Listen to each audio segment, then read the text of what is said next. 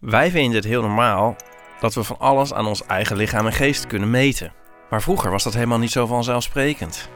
Hoe oud is een weegschaal eigenlijk? Waar ligt de grens tussen gezonde belangstelling in je eigen lichaam en obsessief navelstaren? En wat heeft dat meten aan onszelf eigenlijk met ons zelfbeeld gedaan? Dat hoor je in Het Gemeten Zelf.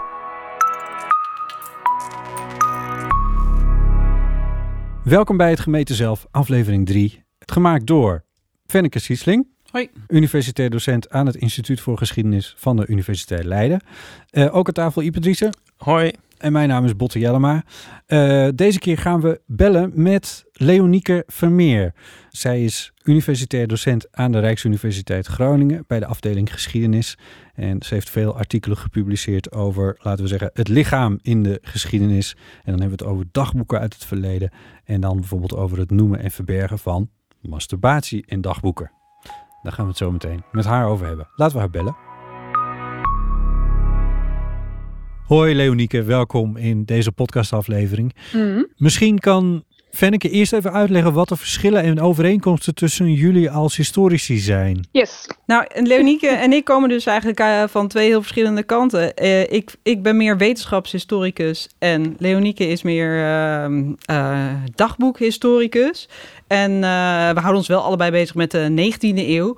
Maar dit zijn echt eh, eh, twee takken daarbinnen. En eh, die kruisen elkaar nu op een hele leuke manier. Toch? Ja, Leonieke? Ja, dat, eh, dat klopt. Wij hebben elkaar ooit leren kennen via via. Maar dat, dit is wel inderdaad eh, waar, waar we bij elkaar aanvullen, denk ik. Hoewel de wetenschapsgeschiedenis ook wel deel van mijn onderzoek is. Maar dan altijd vanuit, zeg maar, eh, andere invalshoeken dan de wetenschap. Dus bijvoorbeeld vanuit literatuur heb ik het ook wel onderzocht. En dus vanuit ego-documenten. Ehm, dus dat is wel... Maar ja, ik denk dat Fenneke op zich ook wel een cultuurhistorische insteek heeft voor wetenschap. Maar eh, toch nog wat meer dichter bij de wetenschap en met, bij de techniek blijft dan ik waarschijnlijk. Ja, en dan bedoel je vooral omdat jij je onder andere focust op dagboeken en Ja. dat soort dingen. Ja, de, de eh, be- beleving van, van mensen zelf, eh, zeg maar. En dat, ja, dat doet Fenneke ook wel, maar met andersoortige bronnen, denk ik. Ja, wat is het verschil tussen de bronnen van jullie? Nou ja, ik gebruik dus inderdaad dagboeken. eh, en Fenneke gebruikt eh, bijvoorbeeld eh, weegschalen, toch? Ja, ik gebruik wel ietsje meer ook eh, documenten geschreven door wetenschappers en artsen. En, eh, Ja, precies. ja, precies. Maar ook eh, ja, voor, voor dit onderzoek ben ik ook in, eh, in meer dagboek, dagboekachtige bronnen terechtgekomen. Dus dat lijkt wel weer op elkaar inderdaad. En je noemt dat eh, live writing, hè? Ja, Gaat, gaat dat nog voorbij aan het dagboek schrijven? Ik bedoel, is dat meer dan alleen het schrijven van dagboeken?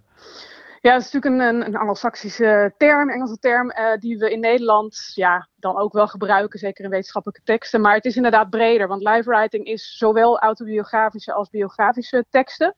Dus eh, daar vallen dus ook bio- biografieën onder geschreven door anderen, maar ook teksten, dus ego-documenten door mensen zelf geschreven, zoals dagboeken. Mhm. Ehm, en ehm, dat is dus breder, een, een term die eigenlijk ja, bijna een containerbegrip voor alles wat met levensverhalen te maken heeft, of die nou door jezelf worden geschreven of door anderen. En dagboek is natuurlijk een veel enger begrip, een veel smaller begrip, wat alleen eh, ja, slaat op, op, op teksten geschreven door mensen zelf, eh, over zichzelf. Ja, ja. Maar en wat, wat zoek jij precies zeg maar, in die ehm, bronnen? Waar ben je naar het meest naar op zoek? Nou ja, in naar beleving. En dat is ook een lastig begrip. eh, eh, want wat is dan beleving? Eh, je, kan zelfs ook beweren dat beleving niet bestaat in tekst, zeg maar. Hè? Want beleving is iets wat, ja, hoe, hoe krijg je daar nou eh, grip op? ja. Eh, en bovendien is het ook zo'n begrip wat, wat zich heel erg uitdijt naar de museumwereld en naar de marketing. Want alles moet een beleving zijn hè, tegenwoordig. Dus dat maakt het ook wel lastig. Maar wat, ja, wat, eh, wat ik zoek in die dagboeken is dus eigenlijk eh, hoe, hoe bepaalde ontwikkelingen, om het maar even heel breed aan te geven, dus ook de wetenschap eh, onder andere, ehm, door mensen zelf ervaren zijn en beschreven zijn. Ja. En dan kan het dus ook gaan om, om, om lichamelijke ontwikkelingen of wetenschappelijke ontwikkelingen. Ehm, en dan bepaalde discoursen, om maar even een eh, wetenschappelijk begrip te gebruiken, eh, over bepaalde onderwerpen, hoe die dan door mensen zelf zijn ervaren. ja. Eh, snap je? Ja, Ja. en dat is waar dus jullie elkaar raken. Ja, precies. En eh, nou, vertel het maar. wat heb je gevonden? Ja, wat staat er in die dagboek? Het, het, welke, ach, de 19e eeuw werd al even genoemd, maar welke periode hebben we het over? En, en inderdaad, wat, wat, wat staat erin? Nou ja, die 19e eeuw is wel echt de eeuw van het dagboek, zeg maar. Ik bedoel, nu zijn er ook nog wel sporadisch mensen die een dagboek bijhouden. eh, maar meestal is het nu vervangen door allerlei digitale vormen. En de 20e eeuw natuurlijk ook heel veel dagboeken. Maar de 19e eeuw zag echt een soort explosie van mensen die dagboeken gingen bijhouden. Eh, en in de 17e eeuw trouwens, om nog even verder terug te gaan, waren er natuurlijk ook al dagboeken. Maar eh, er is dus onderzoek naar gedaan naar de hoeveelheid dagboeken. En daaruit blijkt wel dat vanaf ongeveer 1780 eh, dus zeg maar die, die, die turbulente periode van de eind 18e eeuw, hè, ook met de Franse Revolutie en zo. Dat, eh, en dat hebben ze dan ook onderzocht, hè, dat zo'n zo'n crisisperiode, zo'n overgangsperiode. eh, wat betreft is corona nu ook weer interessant. eh, Hm? Dat dat wel zo'n soort explosie van mensen die over zichzelf willen schrijven veroorzaakt. Dus vanaf zeg maar 1780 is er een, ja, een exponentiële toename van het aantal dagboeken. Ja. Dus dat is al één, één ding wat je Hm. kan vaststellen. En daar kan je Ja. dan natuurlijk ook weer over na gaan denken. Van Ja, wel, waarom- hadden mensen daar dan wel tijd voor ook in die tijd? Nou ja, dat wel, ja. Want goedere mensen dan? Of, eh, Precies. Ja. Ja. je hebt natuurlijk altijd over een bepaalde eh, elite van mensen die kunnen schrijven, die zich dat kunnen veroorloven, die daar inderdaad tijd voor hebben, die licht hebben om bij te schrijven. Ehm, en die niet de hele dag eh, eh, op het land eh, moeten werken of in een fabriek moeten staan. Dus dat klopt. Het is een, eh, wat dat betreft een, zit er een, een, een bias in, in het bronmateriaal. Ja. Maar ja, dan kan je nog steeds afvragen waarom gingen zoveel meer mensen, zoveel meer ook. Hè? Want dagboeken worden ook steeds langer. Je hebt echt in de, dag, in de 19e eeuw dagboeken van, eh van, van 40, 50.000 woorden. Bijvoorbeeld Willem de Klerk, dat is de, het langste dagboek zeg maar, van de 19e eeuw.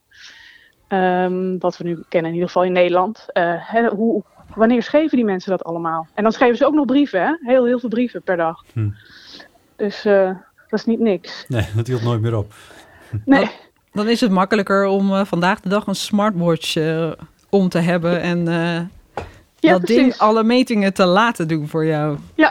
Ja, want daar zit dus ook een link tussen Fenneke en, en mij. We zijn dus allebei ook geïnteresseerd in dat mensen ehm, kennelijk de behoefte hebben om eh, zichzelf vast te leggen. En dan niet alleen zozeer hè, over allerlei intieme gedachten of zo, of persoonlijke emoties of, of al dat soort dingen.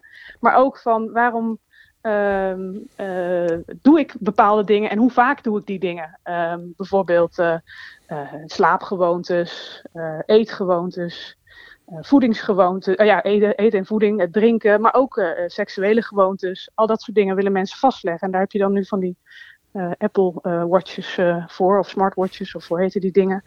Eh, dat weet Fenneke dan vast beter. Ik heb zelf niet zo'n ding. Maar eh, dat, dat had je dan in de 19e eeuw, eh, schreven mensen dat op in dagboeken.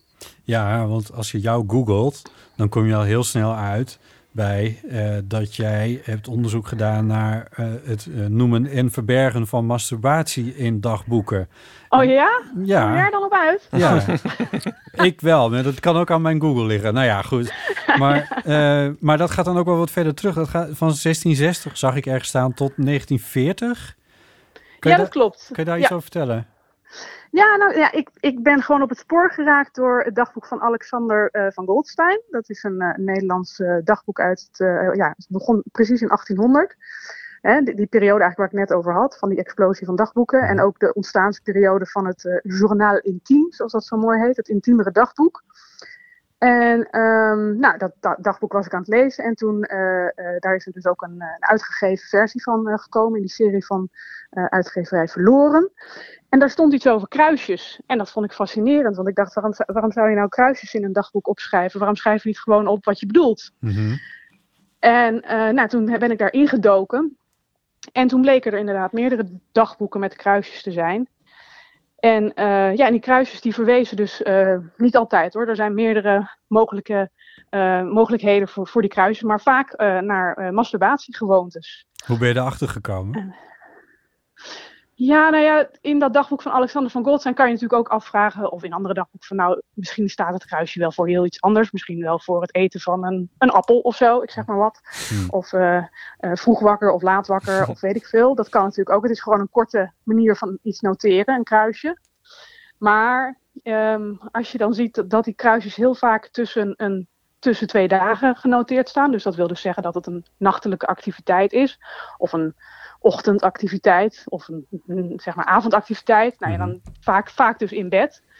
Ehm, dat is al een teken. Maar bij dat eh, dagboek van eh, Alexander van Goldstein is ook een lijst die hij heeft van eh, slechte gewoontes. zedelijke gebreken noemt hij het, geloof ik. en daarin staat onanie ook opgeschreven. Oh, ja. En onanie was de term in die tijd voor masturbatie of zelfbevlekking, werd het ook wel genoemd. Ja, en als je dat allemaal dan bij elkaar gaat optellen en je ziet die kruisjes ook in andere dagboeken. eh, en soms ook met expliciete verwijzingen erbij. Want ik heb bijvoorbeeld ook het dagboek van eh, Leo Polak. Dat is dan een eeuw later, in eh 19, eh, zeg maar 1910, rond 1910. Ehm, dat is een, een Nederlandse rechtsfilosoof, ethicus. Ehm, en die heeft heel expliciet zich ook uitgelaten over die kruisjes.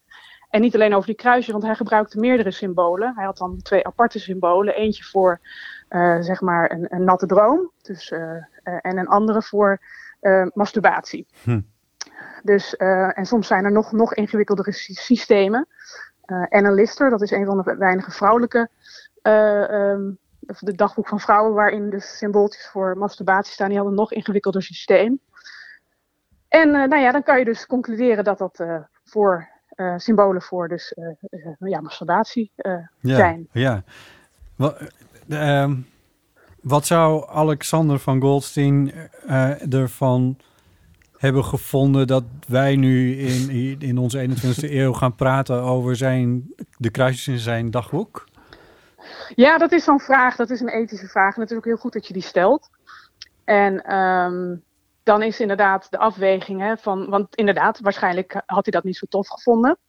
Aan de andere kant kan je natuurlijk ook afvragen... ehm, waarom heeft hij dat in, met behulp van kruisjes eh, opgeschreven? Ja, Want ehm, ja, dan, hè, als je iets versluiert, wil je misschien ook, eh, ga je er ook van uit dat het gelezen wordt. Hè? Want anders zou je het niet hoeven te, eh, de- niet hoeven te coderen of te versluieren. Ja. En niet dat dat dan het recht vervolgens geeft om het dan te decoderen en het te gaan bekijken. En dat is ook diezelfde vraag die de- bij dat dagboek van Anne Frank eh, een tijdje geleden werd gesteld. Want die had een aantal pagina's dichtgeplakt. En die zijn toen zichtbaar gemaakt door eh, ja, de wetenschap. En toen kwamen er ook allemaal reacties van, ja, dat mag je niet doen, want dat wilde Anne Frank niet. ja. Maar ehm, ja, soms moet je een afweging maken bij van het, eh, zeg maar de kennis, hè, wetenschappelijke kennis die je wil opdoen en, en ja, de, de privacy van de historische eh, actoren. Kijk, het is natuurlijk een ver- verschil als mensen nog leven. Of eh, eh, dan, Ja. dan moet je daar natuurlijk nog, nog veel voorzichtiger mee zijn. Maar als mensen al, al enige tijd dood zijn, eh, dan kan je toch redeneren van dat het eh, ja, voor, belang, eh, voor, voor de wetenschap van belang is om, om erachter te komen hoe bepaalde dingen zitten. ja. Het is al En een het, beetje ehm, verjaard onderhand. Dat, ja, en het wetenschappelijk belang. Je kan natuurlijk afvragen waarom zou je met masturbatie bezighouden. Maar het is wel een heel groot discours geweest. En er zijn allerlei artsen geweest die zich hier tegen hebben uitgesproken. En die daar dus een soort taboe van hebben gemaakt. Mhm. Van eh, in wezen iets heel natuurlijks. Ehm, en eh, er zijn bijna geen bronnen van, van hoe mensen dat ervaren hebben. Er zijn Hmm. natuurlijk allerlei dus medische traktaten, dus die bronnen zijn er wel tegen masturbatie. En dat je er ruggenmergtering van kreeg en dat je er blind van werd, en weet ik het allemaal niet. Maar er zijn nauwelijks bronnen van hoe, zeg maar, de gewone mens eh, dat Ja. vond. Nee, natuurlijk. En, daarom, en dat is dan zeg maar dat wetenschappelijke belang. En als je dan zo redeneert, vind ik het toch te rechtvaardigen dat je die kruisjes dan bestudeert. Eh, Want nog even, wanneer leefde Alexander van Goldstein ook weer? Ja, rond 1800. Rond 1800. Ja, ergens Ja. vind ik het ook wel weer een soort van grappig of in ieder geval geruststellend, of hoe zou je het zeggen, maar dat, nou ja, dat hij dus ook al meerdere kruisjes per week neerzette, laat het zo zeggen dan. Ja, Ja, dat het van alle tijden is. nou ja, dat haalt, dat haalt zo'n zo'n persoon toch ook eigenlijk wel wat meer, wat dichter bij ons als moderne mens of zo, op een of andere manier. Nou ja, dat was ook precies wat ik bij Anne Frank, eh, ik heb er wel eens wat over geschreven, vond. eh, waarom het wel te rechtvaardigen is. Want Anne Frank is zo'n soort van icoon, zo'n heilige geworden. Eh, terwijl het ook gewoon een meisje was die heel veel dingen deed. Eh, die heel veel van haar leeftijdgenoten ook deden en in Ja. dagboeken schreven. Waarom zou je dat dan niet mogen bestuderen? En alleen maar zeg maar eh, al het, het mooie en het niet-lichamelijke. Sowieso is het al het lichamelijke al, altijd al een beetje uit de geschiedenis eh, geschreven. Het gaat altijd om hè, de geest en om wat we allemaal voor moois hebben gedaan. Maar we zijn ook gewoon mensen en zelfs dieren, zeg maar, dierlijk. maar soms, zeg maar. Ja, vind ik. Ken je dat, het, dat het lichamelijke uit de geschiedenis is geschreven? Ja, tuurlijk. Uh, maar dat is te, ja, waar we altijd het eerste naar zijn gaan, kijken, zijn gaan kijken, zijn de grote intellectuele ontwikkeling. Als je kijkt naar de wetenschapsgeschiedenis, zijn dat de grote namen, de grote ontdekkingen. Maar Precies. historici willen ook juist kijken naar, uh, nou ja, de gewone mens, wat vond die ervan? Uh, wat had het voor impact daar? Dus dat is ook de reden waarom ik inderdaad uh, nou ja, minder artsen traktaatjes wil, uh, wilde gaan lezen. En kijken naar wat vonden individuen nou uh, als ze zelfmetingen deden? Wat, uh, wat wilden ze ermee? Ja. Wat was hun doel? Hoe kwam dat aan? Dat is uh, veel fascinerender om te weten. En, ja, ja, dat kan je dus ook nog steeds afvragen. Hè, van waarom, kijk, dat je het doet is, is één ding. En dat, dat zijn heel veel mensen die, die het doen. Maar waarom zou je het willen opschrijven? En dat vind ik dus fascinerend. Waarom willen mensen dat vastleggen en tellen en controleren? Mm -hmm. En zo. Dus dat, en dat is volgens mij ook bij Fenneke een, een soort fascinatie. Waarom, waarom willen mensen zichzelf meten? En waarom willen mensen dat? Ja, dat is dus een hele ingewikkelde vraag. Um, ik denk dus controle noemde ik net al. Uh, en als, als er dus de hele tijd artsen zijn die, die zeggen, hè, dat was van, vanaf de verlichting uh, werd dat steeds meer, van uh, je moet een, rationele, gezonde burger zijn die geëngageerd meedoet in de maatschappij. Dan is het niet zo goed als jij in een hoekje gaat zitten masturberen. en dan wil je dat dus ga, gaan controleren, dat je dat niet meer doet. En je kan pas iets niet doen als je het, uh, zeg maar, vastlegt, erkent dat je het, dat je het doet. En dat het dan dus uh, de ene maand uh, twintig keer was en de volgende maand misschien vijftien.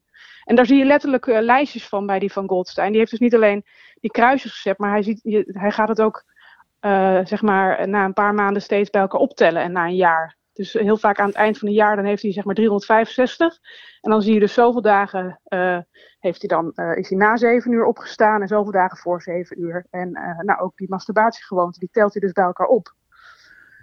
Dus dat, ja, dat is dat uh, behoefte aan controle of zelfdisciplinering of iets dergelijks. Ik weet niet, dat weet Fenneke misschien beter. Ja, ik vroeg me ook af of, uh, zie jij inderdaad, zie jij het zo dat uh, dit soort, het opschrijven van dit soort dingen, het bijhouden van dit soort dingen, het optellen en conclusies daaruit trekken, dat het altijd hand in hand gaat met een, een, een groter verhaal over dat je aan zelfverbetering zou kunnen en moeten doen? Ja, ik zie dat wel eens en ik zag het vooral toen ik die teksten van die Quantified Self Movement van, van Gary Wolf en zo ging lezen, die website. Daar zag ik gewoon letterlijk bepaalde dingen zeg maar, overgenomen, of in ieder geval in, ja, zeg maar, uh, uh, vergelijkbaar met uh, dat discours wat ik in, in de 19e eeuw zie. Over bijvoorbeeld een spiegel zijn hè? en inderdaad self-improvement. Dus self-improvement door het bijhouden van dit soort, uh, wat zeggen ze ook weer, self-knowledge through numbers. Ja. Hmm. Um, nou ja, dat, dat zelfverbetering, dat, dat, dat zie je gewoon vanaf de verlichting, ook in die teksten van Rousseau bijvoorbeeld. Dat is dan een van die hele bekende autobiografische teksten natuurlijk, natuurlijk uit die tijd. dus de, dat, het, dat je inderdaad een beter mens kan worden door jezelf vast te leggen en, en te controleren en te meten. Ja, dat vind ik ook wel heel herkenbaar. En die uh, van Goldstein, zie je daar, zag hij zelf ook enige verbetering? Of kon hij, zeg maar, na vijf jaar concluderen dat het iets beter ging uh, op, op dat uh, morele gebied, of juist niet? Nou ja, dat is het tragische van zijn hele dagboek. Uh, nee, natuurlijk. En uh, um, uh, hij, hij bleef dus heel menselijk in die zin. Hij, maar hij maakt zichzelf dus heel vaak verwijten. En, en en soms ook gewoon zoals pubers dat kunnen, zeg maar. Uh, hè, van uh, de, de, wereld is, uh, is slecht en ik, dat, dat, ben ik toch lelijk en ik heb geen vrienden. Oh. Maar ja, um, maar ook, hij is ook jong gestorven. Dus dat is natuurlijk oh, nee. sowieso wel, wel, wel, tragisch. Maar het, het werd er ook niet echt veel beter van. En hij zit, zit zichzelf wel voortdurend te vermanen dat het hem niet lukt om, om zichzelf te verbeteren. En was dat, dus, was dat ingestoken door, door die medische traktaten en misschien ook door, het geloof speelt er ook altijd een rol bij? Ja, bij, zeker. Okay. Zeker, het geloof ook, ja. Maar, hij las ook allerlei inderdaad uh, meer theologische uh, teksten. Um, hmm. uh, dus het was niet alleen wetenschappelijk, het was ook heel erg mo moraal, filosofisch, theologisch, zeg maar, die, die, die drang tot verbetering. Ja. En, en, en introspectie daarbij, dat dat belangrijk is. Het is wel een beetje ontmoedigend op deze manier om dagboeken te gaan bijhouden. Als je jezelf ja. de hele tijd eh, zeg Dat maar. klopt wel. Je wordt er niet echt gelukkiger van. En dat is eigenlijk ook een beetje mijn kritiek soms op dit hele verhaal van dat zelfmeten. Maar goed, dat is nu subjectief. Hè? Dit is niet een wetenschappelijke eh, eh, argument of zo. Maar ik, ik vraag me dat dus echt af of je er wel gelukkiger van Hmm. wordt. Van altijd maar jezelf langs een meetlat leggen. Ja, volgens mij wordt er ook wel onderzoek naar gedaan hoor. Je ziet eh, heel veel mensen die eh, vol, optimist, eh, vol optimisme een self-tracking app installeren. En die dat bijvoorbeeld, volgens mij is drie maanden is een beetje die periode dat je er nog in gelooft. En je hoopt dat je zelf beter gaat worden. En dan vervolgens zie je dat heel veel mensen dat ding toch laten liggen in een hoekje. Omdat, eh, ja, omdat, ze, er, omdat ze er geen zin meer mee hebben, omdat ze geen vooruitgang meer zien. Eh, Ja. Enzovoort.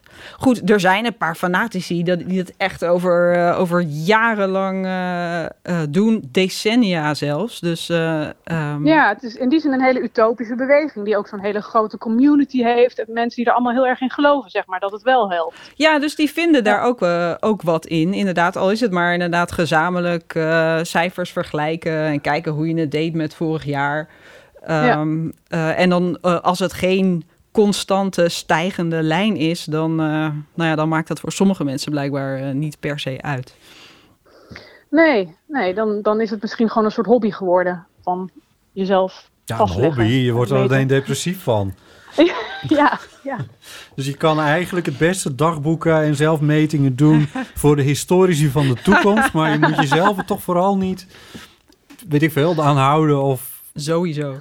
Nou ja, we moeten ook niet vergeten hoe eh, belangrijk het is om op wat voor, manier, wat voor manier dan ook tot een soort van zelfkennis te komen. Want eh, ja, je, dat doen we toch allemaal eh, op wat voor manier dan ook. Of we nou een, eh, een of ander eh, psychologisch of pulpboekje kopen waar je dingen leest over hoe je eh, Ja. in elkaar Ja. zit. Of dat heb ik zelf ook, in die categorie. Ja, Ja. nee, precies. Ja. Ehm, Mm. eh, of eh, het is inderdaad zo van, ja, ik denk dat ik wel veel masturbeer, maar ik weet eigenlijk niet precies hoeveel. Dus ik ga dat eh, bijhouden. Ik ga het kwantificeren, dan kan ik het vergelijken. En dan kan ik inderdaad mijn best gaan doen om daar iets beters mee te doen. Nee, dat, is, dat lijkt mij een heel, ja, heel... ehm, Jij noemde Eh, net nog de logisch. Apple Watch. Want ik- is dat een optie in de Apple Watch om dat bij te houden? Hoe vaak je masturbeert? Registreert Nou. hij dat? ja? Je zou je verbazen. Ja, ik ben er natuurlijk, eh, eh, dat kan ik oprecht zeggen, pas onderzoek naar gaan doen. Of dat bestond, die app, toen ik met die dagboeken was Ja. bezig geweest. Maar eh, dat bestaat inderdaad. Oh, er, staan, ja? er staan meerdere apps ook om, eh, om dit bij te houden. Ja, Niet. nee, echt serieus. Ja. Oh, wat heerlijk. Ja, natuurlijk. Ah, Als je het kan bedenken, dan wordt het ook gemaakt natuurlijk. Ja. Ja. Ja. Nou ja, er zit een soort bewegingssensor in. Dus in dat opzicht zou je op een of andere manier... Ik bedoel, hij kan ook, geloof ik, herkennen of je fietst of dat je loopt.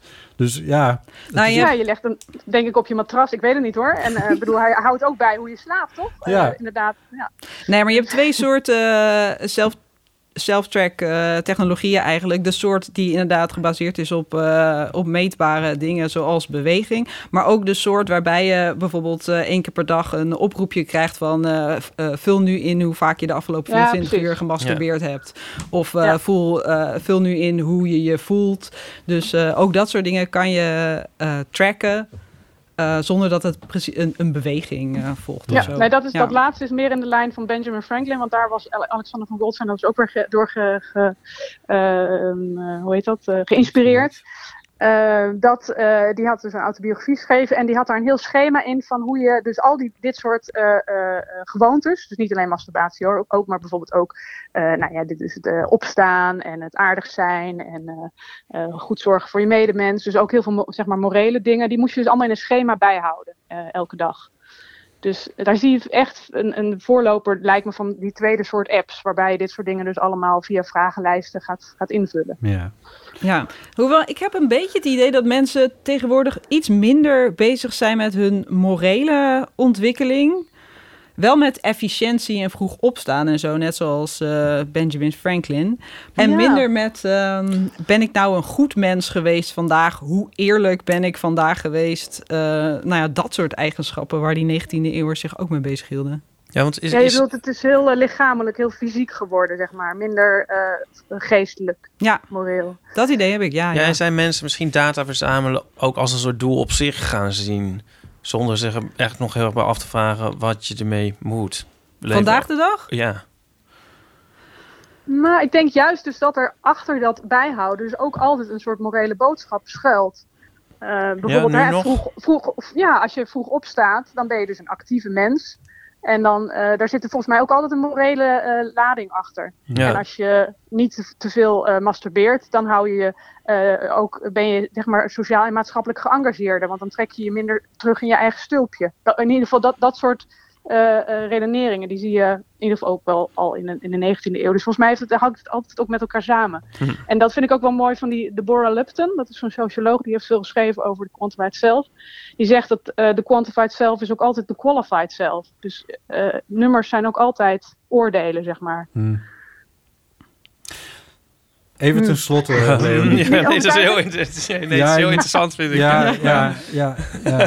We moeten dit even op ons in laten werken. Ja, ja, Ja. zeker. Ja, is goed. Dat gaan we ook doen. Maar ehm, ik ga je toch een laatste vraag stellen. Eh, ook Ja. een beetje aan Fenneke. Maar Leonieke, wat zou jij nou vinden dat wij nu aan live writing zouden moeten doen voor de historici van de toekomst? Ja, nou ja, dat is natuurlijk ook met het corona-verhaal. eh, zijn er ook bijvoorbeeld eh, verzoeken gekomen vanuit de archieven. Ik weet hier in in Groningen zijn de Groninger archieven hebben op een gegeven moment eh, een oproep gedaan van hou bij hoe je leven er nu uitziet en hou daar ook wat bronnen bij. Omdat het zo'n bijzondere tijd is. Mhm. En er zijn ook best wel veel reacties op gekomen. En er zijn sowieso volgens mij heel veel mensen die op een of andere manier behoefte hadden om, om hun ervaringen van deze rare tijd op te schrijven. Wat op zich natuurlijk niet, eh, vind ik helemaal niet verkeerd en ook, ook juist wel, wel, wel prima. Maar wat het probleem is bij dit soort dingen, is als je erom gaat vragen als historici. Dus om, om eh, historici gebruiken liever zeg maar argeloze bronnen. Dus bronnen die juist niet eh, Ja, met het oog op de toekomst zijn geschreven. Want dan Ja. hebben ze zeg maar minder een soort bias. Of dat vind ik in ieder geval de meest interessante bronnen. Bronnen die juist een beetje zeg maar, toevalliger zijn ontstaan. Of waar je een beetje zoals eh, Jacques Presser, hè, de historicus, het noemde, door het, door het sleutelgat meekijkt. En niet zeg maar eh, dat het heel erg er expres voor is geschreven. Ja. Dus in die zin zou ik antwoorden op die vraag van... eh, ja, dat, dat kan je eigenlijk nu, dus nog, nog niet zeggen wat, wat de bronnen worden die extra interessant zijn. Misschien zijn dat wel bronnen die je helemaal niet verwacht of zo. Historici maken zich wel zorgen over digitale bronnen die inderdaad Ja, helemaal niet goed, zeker. helemaal niet goed eh, eh, toekomstbestendig zijn. Dus eh, ik heb zelf bijvoorbeeld een keer van al, mijn app-conversaties gedownload en gewoon uitgeprint op gewoon papier, weet je wel. ja, ja. Zodat, nou ja, zelfs al zijn, al zijn databestanden van nu helemaal niet meer te lezen voor toekomstige historici, dan heb ik nog ergens een pakje papier dat Ja, ik eh, aan mijn kleinkinderen, Ah. die dat dan kunnen Ja, lezen. precies. Want we praten al over de digital dark age. Hè? Dat Ja. het inderdaad, hoewel dat lijkt alsof er nu heel veel bronnen zijn, dat er dus eigenlijk helemaal niet veel bronnen echt eh, langdurig bewaard zullen worden. Nee. Dus Ja. dat is best wel een Er probleem. is vast wel ergens een Amerikaanse geheime dienst die het allemaal heeft. Die het al wel uitgeprint heeft. Big Brother, ja, ja, Ja. ja. Oké, goed. Eh Leonieke Vermeer, mag ik je hartelijk danken? Ja, geen dank. Was, eh, was leuk. Mooi. Dank je, Leonieke. Doei. Dit was de derde aflevering van Het Gemeten Zelf. Deze keer met een telefoongesprekje met Leonieke Vermeer, cultuurhistoricus, over live writing aan de Rijksuniversiteit Groningen. Eh, we maakten deze aflevering samen en dat wij zijn Fenneke Siesling, Ipe Driessen en mijn naam is Botte Jellema. De volgende keer gaan we praten met Maarten den Braber. En Maarten is een enthousiaste zelfmeter. Tot de volgende keer.